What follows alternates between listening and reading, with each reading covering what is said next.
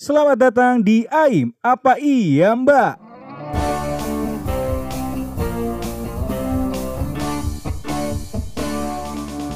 Welcome to PJ Halo ha, selamat berjumpa kembali bersama kami PAJ FM dalam konten AIM. Apa iya mbak? Ya, teman-teman gak salah dengar kok kalau hari ini kenapa gue ngomongnya apa iya mbak? Karena berbeda dari AIM-AIM sebelumnya, hari ini gue bakal ngobrol bersama perempuan, bersama seorang wanita yang merupakan dosen Atma Jaya juga. Dan beliau ini kredibel lah pokoknya sama topik yang akan kita bahas hari ini ya. Hari ini topik yang bakal kita bahas adalah tentang salah satu topik yang cukup apa ya eh, mainstream tapi nggak nggak berhenti henti nggak ada henti hentinya untuk eh, ditanyain ataupun diangkat eh, ke dalam beberapa kali kesempatan seminar atau segala macam. Topik kita kali ini adalah pacaran beda agama. Ya, ini merupakan topik yang udah lama banget pengen diangkat karena memang banyak juga orang yang eh, mengalami atau enggak apa ya berada dalam situasi mungkin sampai saat ini podcast ini direkam ada beberapa teman kami atau beberapa orang di luar sana yang masih menjalani eh, kehidupan pacaran namun berbeda rumah ibadah atau berbeda agama atau berbeda keyakinan. Nah, untuk itu kali ini gue bakal telepon ya. Oh ya, hari ini gue sendiri karena memang masih masa PSBB ya. Hari ini gue sendiri rekaman di kamar, jomblo lagi. Aduh, sedih banget. Oke, hari ini gue mau ngobrol bersama dengan namanya Bu Vita. Cuman hari ini, hari ini uh, bakal gue panggil Mbak. Karena memang kontennya adalah apa iya Mbak? Jadi untuk pertama kalinya saya memanggil Bu Vita dengan uh, sebutan Mbak. Langsung saja kita telepon ya.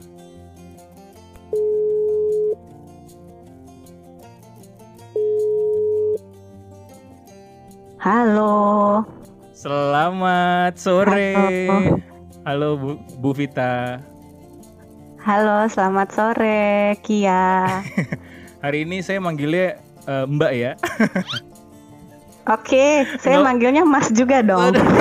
Mas atau D? Boleh D, D aja deh nggak apa-apa, Mbak. Oh ya, biar kelihatan lebih muda gitu ya. Bener sekali. Biar nggak dianggap kakak terus. Uduh, dudu. Oh gitu. Oh. Nah, Tapi jadi kakak lebih dewasa loh. iya sih bener sih bu, bener. Cuman kan, ya gitu deh. Iya. Oke oke, gimana nih Kia? Nah, hari ini saya mengundang Mbak Vita untuk rekaman PAJ FM karena ada beberapa orang yang udah request dari, dari lama banget. Kak, kak, tolong dong Iya. bahas tentang pacaran beda agama. Wah, Wah, berat ya. berat. nah, eh kalau dari teman-teman yang nanya dan request itu ada beberapa ya kan. Sama mungkin kalau dari tema ini eh mungkin tema yang mainstream ya. Kalau misalkan saya tanya ke Mbak Vita kayak aduh eh, ya ini udah beberapa kali diulang diulang diulang penjelasannya ya. Tapi eh, kenapa sih Iya. topik ini tuh bener-bener jadi suatu yang sering banget ditanyakan padahal udah tahu nih jawabannya Iya. misalkan misalkan ada orang yang ikut udah pernah ikut seminar tentang pacaran beda agama udah dapet ilmunya tapi Iya. tetap penasaran tetap pengen Yes. tanya kalau dari mbak Oke. mbak Vita sendiri nih apa iya mbak topik ini nih bener-bener sangat eh, dikepoin sama orang-orang apalagi anak muda Dikepoin, oke. Iya memang eh, sangat menarik ya. Maksudnya tema ini tuh selalu menarik gitu. oh Eh, sep- sepertinya nggak pernah out of date gitu. iya ya Selalu ada yang kepoin, yang penasaran. Mungkin kalau kalau menurut saya kenapa ya? Sebetulnya ya namanya pacaran, orang masih pacaran itu kan masih bergairah, lalu Ah. eh, ya pasti masih muda juga ya. betul muda dan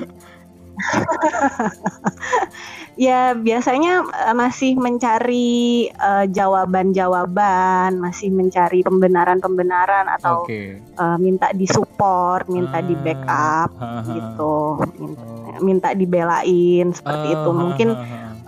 ya saya rasa sih karena uh, itu ya jadi selalu menarik dan selalu minta tolong dibahas gitu supaya Oh, iya. makin yakin gitu karena Iya, kan iya. biasanya kalau beda-beda tuh galau gitu ya Iya iya iya.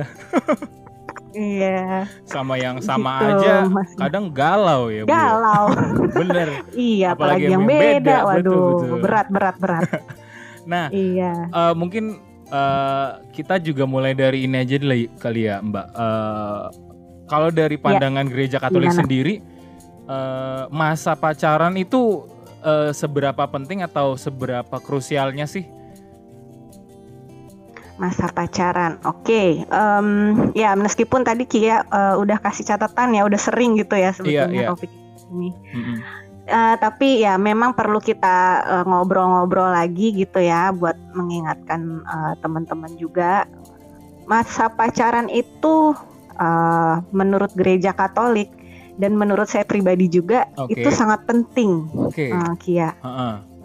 ya karena itu masa pengenalan Heeh. masa kita bisa eh, mengukur saling mengukur saling memahami seperti itu Oke. Eh, juga yang paling penting sih tahu latar belakang ya latar belakang pribadinya Ha, kalau udah serius ya latar belakang keluarganya karena catatannya kan di Indonesia itu Iya. em, namanya menikah itu bukan cuma dua pribadi tapi dua keluarga besar gitu betul, kan betul, betul. iya iya jadi memang butuh butuh keyakinan eh, yang sungguh-sungguh mendalam gitu.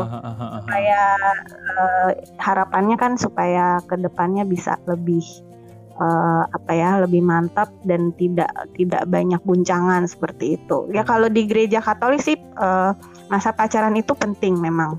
Dan Oke, oke. pacaran itu masa pacaran itu juga eh, harus selalu menjaga dan memelihara kemurnian diri masing-masing. Ha, ha. juga seperti itu. Nah, Oh, eh, karena memang harus saling mengenal gitu. Iya. masa ya kita nikah eh, apa ya istilahnya ntar dapat kucing dalam karung lagi kagak? Itu istilah zaman dulu ya. Iya, kayaknya iya. ketahuan banget nih saya. Nggak apa-apa kok mbak jadi iya jadi memang eh, masa pengenalan itu penting. Karena Hmm. eh, dalam masa pacaran itu kita bisa eh, cari tahu banyak. Kan kita suka kepo juga ya. Iya iya sebetulnya sebelum pacaran juga udah kepo gitu loh. Iya betul betul banget. PDKT iya kan udah cari tahu gitu ya. Ha, ha. Jadi eh, pas masa pacaran itu sebetulnya eh, masa pengenalan, masa mengukur, ha. masa mengambil keputusan juga Iya, iya. seperti itu. Oh, berarti Jadi penting banget nih uh, penting karena banget nikah itu sumber hidup. betul betul betul Iya. betul banget sama uh, ketika ngen- uh, kenal sama pasangan yang nantinya bakal jadi pasangan kita seumur hidup tuh mungkin kayak mengenal resiko juga ya lu betah nggak nih kalau Iya. misalkan tinggal sama orang ini nanti sepanjang hidup lu nanti Nah, betul. Itu yang tadi saya sebut mengukur. oh iya iya benar-benar mengukur Jadi bayangin aja, iya. Jadi bayangin aja tiap hari bangun tidur lo lagi, lo lagi Iya, lihat, iya. yang dilihat mukanya itu lagi, itu lagi, padahal kan gitu. pas masa pacaran itu kan kita belum Iya. tinggal serumah ya bu ya ya kan belum tinggal Iya, serumah jadi iya. kita nggak nggak tahu begitu banyak tentang karakter pasangan kita ketika dia di Iya. rumahnya nah ketika udah jadi suami atau istri mungkin ada shock shocknya gitu kan ya Wah itu biasanya pasti ada itu. pasti ya bu ya makanya pacaran ini Bia- penting biasanya, biasanya. Iya betul, oke betul betul. Nah, eh, tadi dari gereja tuh eh, memandang itu penting ya pacaran. Eh, Iya.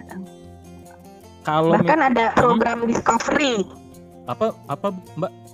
ada ada program discovery. Oh discovery. program discovery di gereja Katolik ada, iya discovery itu. eh, Oh, iya, buat ha-ha. teman-teman yang mungkin belum belum tahu ya. Iya, saya juga belum jadi, familiar eh, nih. Komisi Keluarga KAJ Oh, ha, ha. Nah, jadi Komisi Keluarga Keuskupan Agung Jakarta tuh ada namanya program Discovery. Ha. Dulu saya juga pernah ikut sebelum nikah. Jadi Oh, kalau Discovery itu beda beda sama uh, kursus persiapan perkawinan ya MRT. Sekarang namanya kan MRT ya, membangun rumah tangga. Ya.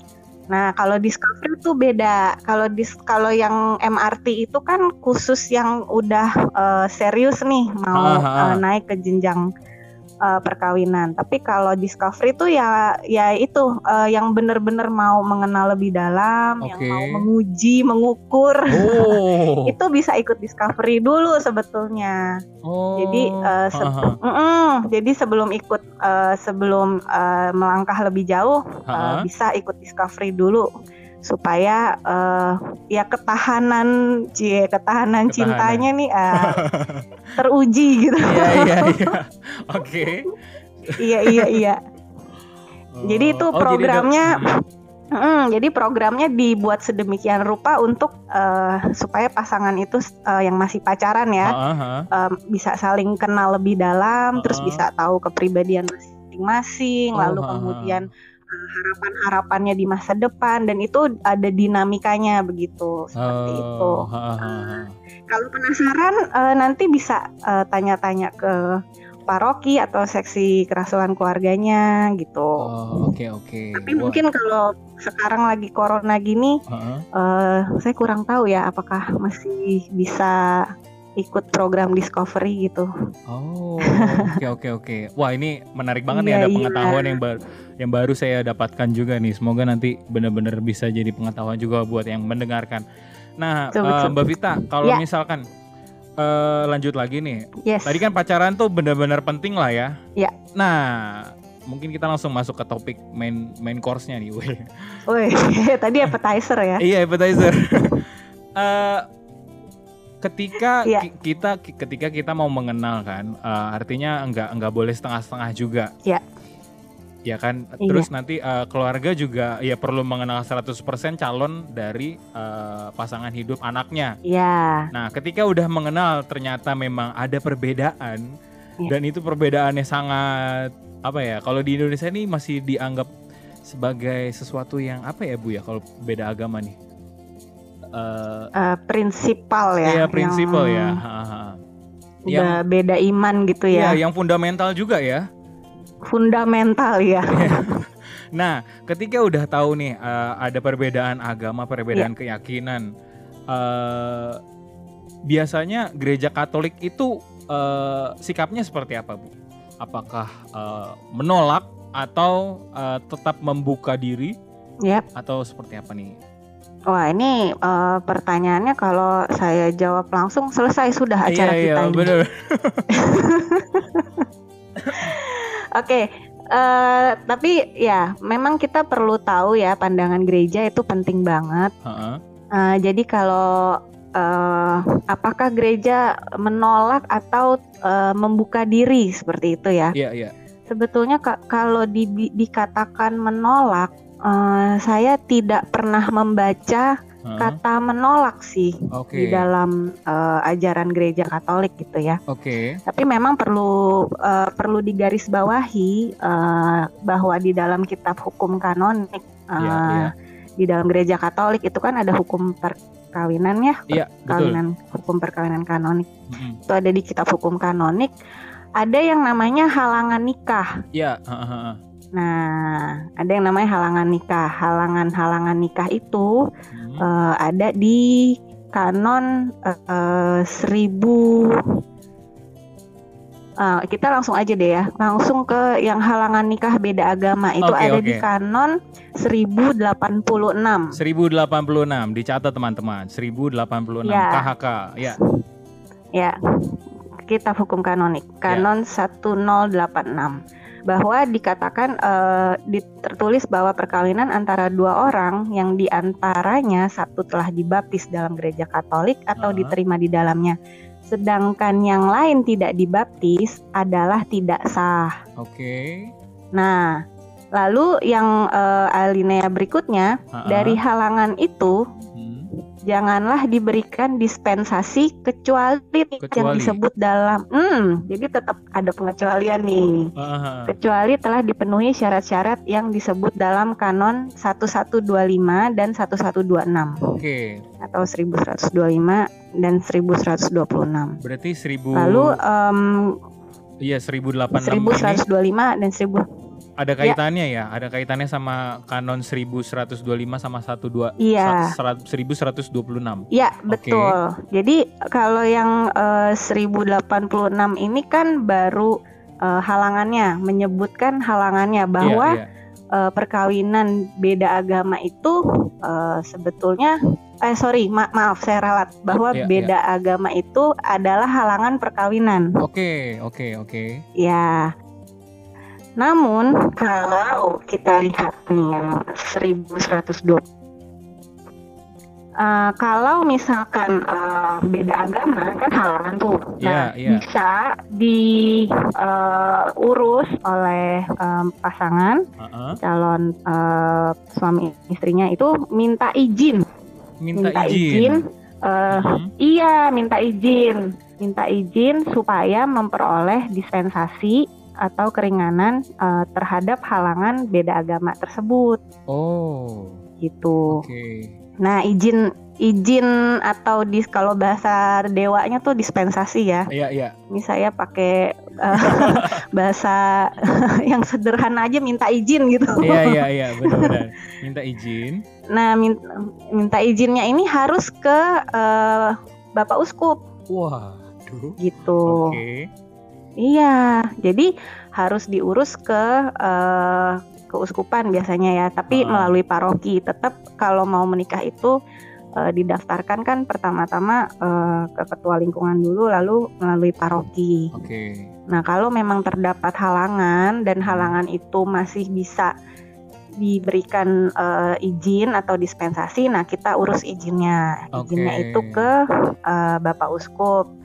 Selama alasannya wajar dan masuk akal. Oke, selama Gitu. alasannya wajar dan masuk akal. Iya, Yang maksudnya wajar dan maksud masuk akal tuh seperti apa ya, Mbak?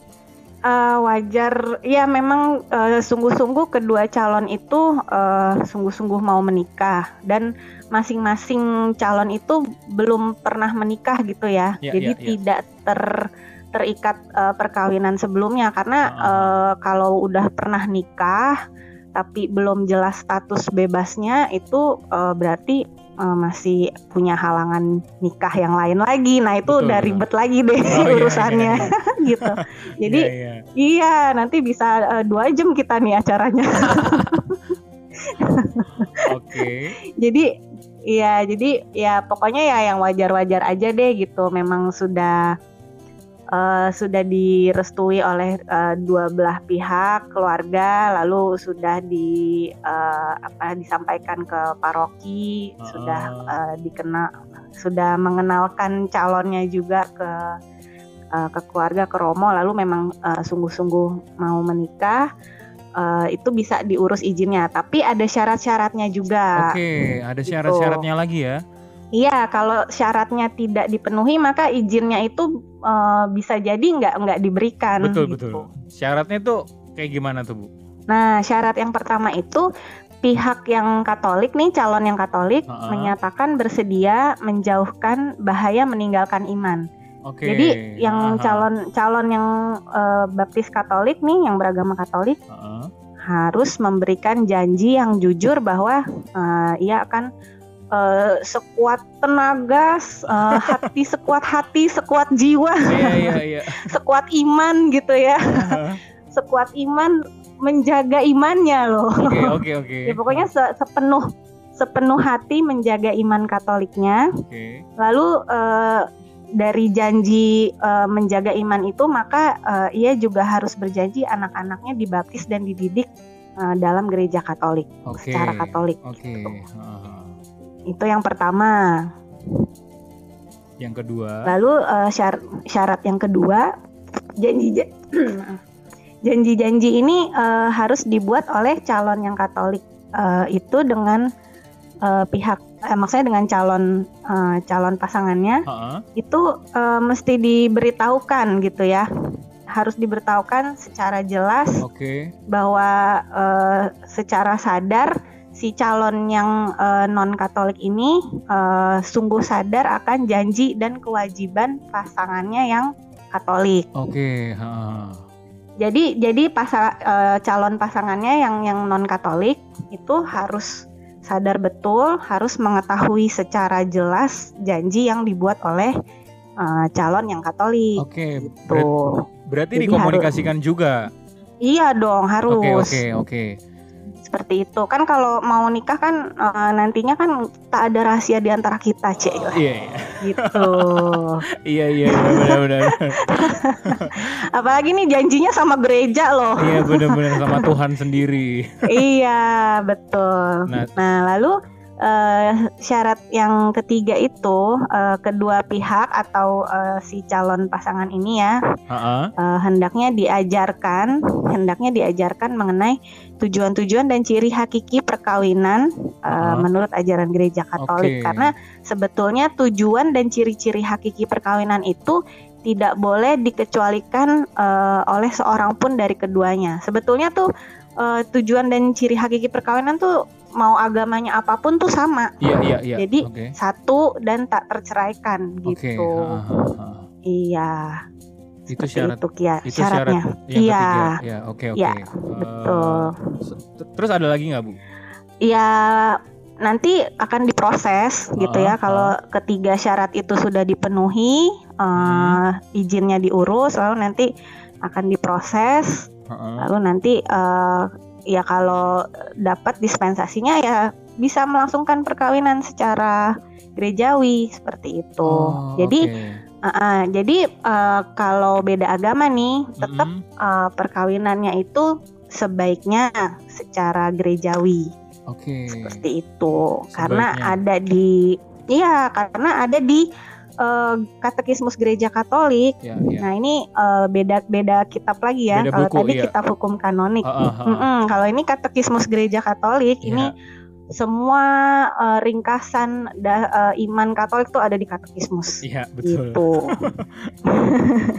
Jadi bagi eh, di katekismus itu ditulis bagi umat Katolik tidak ada perkawinan tanpa upacara perkawinan gerejawi. Oke. Jadi, heeh. Eh, meskipun ada eh, dispensasi atau izin Hmm. menikah beda agama, tetap eh, harus dilangsungkan secara gerejawi. secara sakramental. Itu ada di eh ya se- eh, secara gerejawi ya kalau kalau sakramen kan eh, antara baptis dengan baptis. gitu. Oh iya iya iya betul betul. Oke bu. Iya. Kalau eh, ini eh, ya ini ada di tadi yang saya katakan ini ada di Katekismus Gereja Katolik nomor 2390 Hmm. sampai 2391. Oke. Kalau mau iseng nih mau baca-baca sendiri gitu. Dua sembilan puluh ya. Dua sembilan puluh. Ya, 23 2390 Oh dua tiga sembilan sampai puluh. 2391. Oke dua tiga sembilan puluh. Iya. Oke oke. Itu eh, ajaran-ajarannya. Sebetulnya di ini juga ada kok di di kitab hukum kanonik juga ada. Jadi eh, kalau beda agama tetap melangsungkan perkawinannya itu eh, secara gerejawi seperti itu. Oke.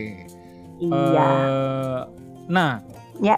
Berarti kalau dari penjelasannya tadi Mbak Vita udah jelasin paparin, Yep. berarti eh ketika ada orang yang eh, memiliki pasangan di luar Katolik dan Ya. pengen misalkan cowoknya Katolik, ceweknya bukan Katolik, Yep.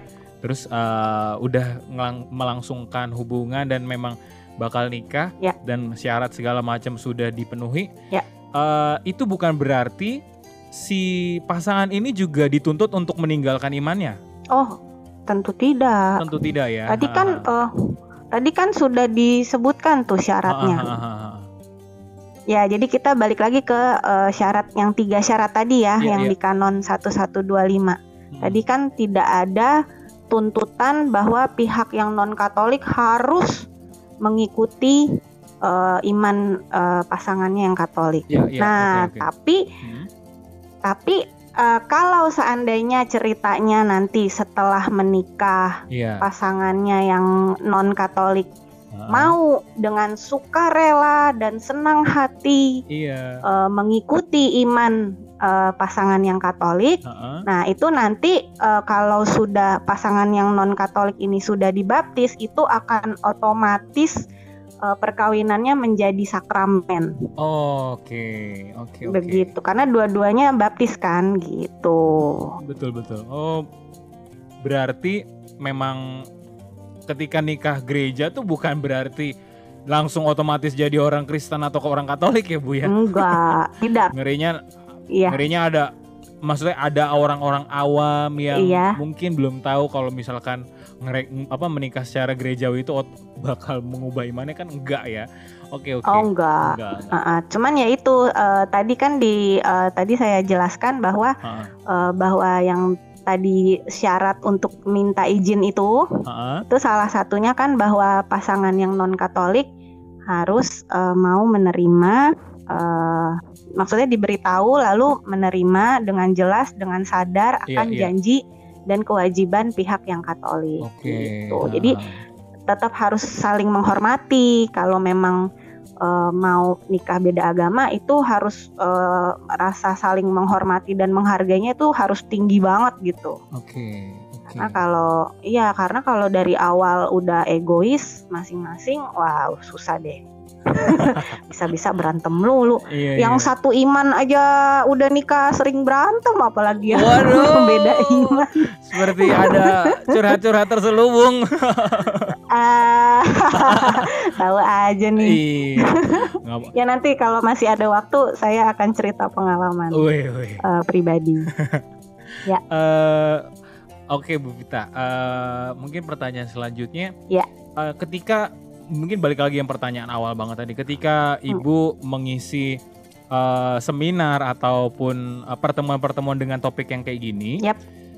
itu ap- itu eh, apakah memang eh, Ibu melihatnya ada kekepoan aja atau memang eh, yang nanya atau yang memberikan eh, apa ya seminar atau pertemuan itu eh, mengharuskan atau enggak eh, mau memperlihatkan nih nih kalau gereja Katolik tuh nggak apa-apa kalau lu mau nikah beda agama Hmm. asalkan nanti ada syarat-syaratnya jadi kayak mendorong eh, umat Katolik untuk nikah beda agama atau yang kepo ya cuma pengen tahu aja itu gimana bu? Oke, eh, begini eh, Kia, kalau menurut saya ya, menurut Mhm, saya mhm. pribadi eh, yang saya alami selama ini, eh, kalau membicarakan atau mengisi eh, tema-tema perkawinan beda agama, sebetulnya sih eh, eh, balik lagi ke yang eh, tadi sharing awal saya, Iya. bahwa sebetulnya eh, pasangan-pasangan muda ini Heeh. justru karena ada perbedaan, mereka kan galau tuh ya. Iya iya. Nah, mereka tuh sebenarnya mau mencari support atau backup, Iya. Mm. eh, penasaran juga, pengen ngurusnya gimana Oke, gitu, pengen tahu eh, ajaran gerejanya seperti apa, atau eh, juga eh, mencari pembenaran atau pembelaan. Tapi eh, kalau yang tadi Kia katakan, apakah gereja eh, mendorong umat untuk menikah beda agama? Saya Hah? rasa sih tidak ya. Oke. heeh, heeh. Eh, karena dari pengalaman saya, wah ini saya jadi beneran sharing pengalaman pribadi nih, nggak apa-apa ya. Nggak apa-apa nggak apa-apa. Dari pengalaman pribadi saya dan kebetulan penelitian saya kan eh, banyak tentang keluarga, tentang perkawinan ya. Oke. heeh. Eh, eh, yang namanya orang tua itu Kia, ini kita nggak ngomong gereja dulu ya, Iya, kita iya. ngomong orang tua yang Aha. yang paling dekat dengan kita gitu ya, Aha. orang tua, papa mama, ayah ibu gitu ya. Iya. Kalau biasanya nih, biasanya nih Hmm. eh, dari dari pengalaman pribadi, kalau orang tua mendapati anak mereka memiliki pasangan atau pacar yang beda agama, itu reaksi pertamanya biasanya nih, Iya. biasanya sedih, Oke sedih. Iya. Sedih, kecewa, Heeh. takut, Oke. khawatir, Oke. ya. Heeh. Mungkin ya mungkin kalau bikin seminar tentang pacaran beda agama atau perkawinan beda agama boleh juga orang tuanya yang disapa. Bukan pasangannya gitu. Iya iya iya. Iya iya iya iya iya. Benar-benar. Iya, jadi uh, uh, ya jadi uh, kalau dari pengalaman pribadi saya biasanya tuh uh, pertama-tama orang tua Kia. Jadi orang tua itu pasti perasaannya sedih, kecewa, takut, khawatir, Hmm. uh, merasa gagal. Ada Iya, loh yang iya. merasa gagal Iya, loh, Betul betul. karena uh, merasa iman anaknya itu uh, iman Katoliknya tuh kayak uh, kurang gitu. Iya, Ha, seperti itu. ha, ha, ha. Sampai segitunya loh, ha, gitu ya. ha. Jadi hmm, itu itu itu perasaan pertama orang tua. Jadi eh, yang bisa saya simpulkan eh, orang tua tuh sebetulnya punya harapan keinginan terbesar bahwa anaknya itu bisa mendapat pasangan hidup yang seiman Oke. Iya iya. itu yang yang yang seiman satu agama seperti itu dan itu tidak hanya berlaku buat orang tua orang tua Katolik Betul tapi betul. eh, mau apa pun mau apa pun agamanya pasti juga mengharapkan yang sama terhadap anak-anak mereka Betul betul. seperti itu. Nah itu itu udah udah masalah kan ya udah satu masalah Iya nih. iya. itu udah persoalan mendalam juga itu. Iya dan inilah yang harus diolah terlebih terlebih dahulu sebelum eh, mau melanjutkan sungguh-sungguh ke pernikahan secara gerejawi Oke oke. Ha. Karena em, ya kal nah ini kan eh, dari tadi eh, yang saya katakan orang tua ya. Lalu dari orang tua itu berkembang ke keluarga. Iya, Karena iya. tadi saya Ha, katakan di Indonesia itu perkawinan tidak hanya dua pribadi ha, ha. tapi dua keluarga besar. Iya iya. Oke. Nah, kalau keluarga besarnya itu biasanya sudah ada yang menikah beda agama atau eh, Oke, pernikahan ha, campur ha. gitu ya.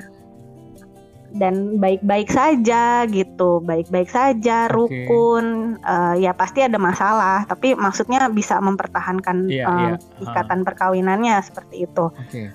Nah, itu biasanya uh, uh, pandangan dari si keluarga atau dari si orang tua itu bisa lebih Terbuka. apa ya, bisa dibilang lebih terbuka ya, betul. Oke. Oh, Tapi kalau seandainya uh, di keluarga besar itu tidak ada yang pernah nikah uh, menikah agama. beda agama, Ha, anggotanya ya, ya, ha. uh, tidak pernah ada yang uh, seperti biasanya Biasanya. biasanya akan ah, dari keluarganya sendiri akan menolak. Jadi Oke. belum sampai gereja udah ditolak gitu. udah nggak direstui seperti itu. Oke oke. Baru mau ngenalin ke keluarga, Iya. tahu-tahu udah pakai jilbab atau beragama Hindu, langsung Iya, eh, dak dikduk. iya betul Iya iya seperti iya. itu. oke, Jadi oke. jadi memang eh, ya tahap pertama sih itu ya saya rasa yang harus diolah lebih dulu seperti itu. Nah, ada juga yang nekat nih, ada yang nekat backstreet ya kan? Iya. Eh, di belakang pacarannya. Sering terjadi itu. Nah, Ya, nah begitu udah begitu mohon maaf nih ya, begitu iya. mohon maaf udah kebablasan. Heeh, Sementara sementara si pihak keluarga eh, juga belum siap gitu ya belum dengan tahu. adanya pernikahan heeh. ya, belum tahu dan belum siap dan Heeh. kebetulan keluarganya juga eh, kurang terbuka atau Iya, iya. bagaimana. Nah ini eh, ada eh, cukup banyak eh, saya rasa kasus Iya, kasus iya. seperti ini. Nah, ha. Nah itu akan lebih lebih susah lagi, Lebih rumit sulit ya. lagi seperti itu. Jadi memang em, memang kenapa tadi saya katakan eh, tema ini selalu menarik dibicarakan gitu Iya, karena iya. ya memang orang sebetulnya tuh mau mencari bantuan atau mencari support Betul betul. atau mencari apa eh, ya minta di dibelain atau Iya, iya. pengen tahu lebih banyak supaya bisa ke depannya bisa jalan dengan baik seperti itu. Oke. Kurang lebih sih seperti itu ya Kia. Apakah saya melenceng dari Oh, pertanyaan? enggak enggak enggak. Menjawab banget kok Bu. Jadi memang bener ya untuk pernikahan di Indonesia sendiri itu benar-benar bukan dua pribadi tapi keluarga dua keluarga besar yang punya idealisme masing-masing yang punya tradisi masing-masing tuh menyatu. Yap. Wah itu kan nggak nggak nggak gampang bu. Saya sih mikirnya yang belum nikah aja nih nggak gampang nih. iya, Gimana gimana Mbak Vita yang sudah menikah ya kan? iya, Itu yang maksudnya menikah sama dengan eh, maksudnya memiliki iman yang sama aja pasti ada tantangannya tersendiri yang juga nggak kalah beratnya ya. iya. Iya. Bener banget. ya, ya maksudnya ini ini aja karena masih seiman gitu ya. Iya, jadi iya. eh, masih istilahnya masih bisa eh, tahu diri deh, masih tahu batas gitu karena tapi kalau yang yang beda agama atau eh, tidak seiman, nah itu eh, khawatirnya kalau eh, tidak sungguh-sungguh eh, apa ya, maksudnya me- mengatasi masalah dengan penuh kesadaran dan itikat baik itu takutnya nanti malah jadi runyam Oke, gitu. ha, betul betul. Ha. Seperti itu. Iya, jadi Ya itu kan kekhawatiran ya, tapi Hmm. ya kalau memang eh, sanggup dan eh, berani menjalankan dengan sepenuh hati ya itu tadi saya bilang kan kemungkinan-kemungkinannya banyak ya betul betul. gitu. Iya, kemungkinannya banyak dan ya memang seperti itu. Ada yang berhasil, Betul, ada eh, tantangannya seperti itu. Ada yang Iya. Iya. eh mungkin yang te- yang terakhir nih Mbak Vita, yes. mungkin eh, pesan atau eh, peneguhan lah supaya eh, teman-teman yang mendengarkan ini tahu kalau misalkan eh, bukan bermaksud kalau misalkan ada seminar-seminar beda pacar, ah, beda agama, eh, pacaran beda agama ataupun ada aturan-aturan eh, yang membuat atau memperlihatkan gereja itu membuka diri terhadap kemungkinan pernikahan beda agama itu eh, mungkin bisa dikasih pesan supaya teman-teman yang mendengarkan ini tahu uh, resikonya Ya. ataupun tahu uh, gimana harus uh, melihat itu secara bijak lah. Gimana tuh Bu? Baik ya, Eh, ya saya sebetulnya eh, ya gereja itu ya itu tadi yang sudah saya jelaskan ya gereja itu tidak menolak dan tidak melarang, Oke. tapi memang bahwa eh, kalau memang eh, tetap banyak pesertanya yang mau ikut atau yang ingin tahu eh, itu malah bagus kalau menurut saya. Jadi eh, sebagai eh, pengetahuan, pembelajaran dan eh, makin mengenal juga satu sama lain. Jadi justru sebaiknya eh, perlu ikut gitu. Atau Oke. eh, kalau mau ikut yang tadi saya bilang eh yang tadi saya share tentang discovery itu juga Ah, itu boleh eh, banget. untuk pasangan yang iya boleh banget itu untuk pasangan yang eh, beda agama juga eh, boleh ikut. Oke. seperti itu. Oke, oke. Nah, hanya memang gereja Katolik pun eh, dalam ajarannya juga memberi catatan. eh, ini ada di Katekismus Gereja Katolik nomor 1633 Ah, eh, bahwa perkawinan antara eh, orang Katolik dengan orang yang bukan Katolik itu sebenarnya kan sebetulnya tidak hanya terjadi di Indonesia ya, tapi Iya, di banyak negara. betul. Nah, perkawinan seperti ini membutuhkan perhatian khusus baik dari pihak eh, pasangan maupun dari para eh, imam, eh, Oke. pelayan pastoral, dari Oke. pihak gereja juga ya. Ah, Lalu eh, dalam hal perbedaan agama itu dibutuhkan sikap waspada yang lebih besar lagi. Nah, Oke. Indo eh, kalimatnya seperti itu kalau di KGK. Oke. Dibutuhkan sikap waspada yang lebih besar lagi dengan mungkin dengan kata yang eh, positifnya tadi Kia sudah katakan lebih bijak lagi, Oke. lebih bijaksana. Oke, oke, oke. Seperti itu. Tapi memang eh, halangan perkawinan beda agama itu masih bisa eh, dimintakan izin. Oke. Jadi eh, bukan berarti kalau beda agama tertutup sudah Iya, iya. pintu menuju, Iya, iya. tapi masih masih bisa dimintakan izin. Iya. Ya itu tadi dengan eh, tiga syarat-syarat itu tadi. Oke. Yang penting eh, pasangan itu mau saling terbuka, saling eh, berkomunikasi dengan baik seperti itu. Oke. Lalu bahwa em, ya pokoknya perkawinan beda agama itu sebetulnya tidak boleh dianggap remeh gitu ya. ah, iya, iya. Jadi eh, jadi kalau gereja itu juga eh, punya kekhawatiran bukan hanya mengenai eh, apa maksudnya i- eh, bukan mengenai eh, iman yang goyah, Ah, ah. tapi justru lebih ke kalau dua-duanya itu eh, sak- eh, terlalu terbuka gitu ya. Uh-uh. Saking terbukanya mereka jadi ti- nggak nggak nggak mau pusing soal iman gitu loh. Oke, ha, ha, ha, ha. Itu juga jadi catatan tersendiri. Jadi Oke. di satu pihak ada yang terlalu eh, mementingkan iman, tapi gereja juga sebetulnya eh, ada kekhawatiran eh, bahwa nantinya malah jadi acuh tak acuh atau Ah, cuek ah, terhadap ah, ah. agama Iya, iya, iya. malah jadi malah jadi tidak beriman Iya, apa pun iya juga ya. iya ntar jadi ateis lagi Iya. Enggak sih nggak sampai ateis kalau ateis tuh beda lagi Iya, iya. Oh iya, iya. iya iya iya. Bener, bener, bener juga ya. Seperti itu karena kan ya sekarang kan juga udah semakin apa ya orang juga semakin sekuler ya jadi Betul, betul. eh, soal iman itu juga eh ya jadi kurang diperhatikan gitu soal keimanan. Betul, Tapi betul. sebetulnya iman itu penting seperti itu. Iya. Tapi bukan berarti iman itu jadi sumber pertikaian. Betul, betul. seperti itu. betul. Nah, susah kan? Iya, iya. susah kan? Iya, diputer-puter. iya, iya. Begitulah kira-kira. Oke, oke.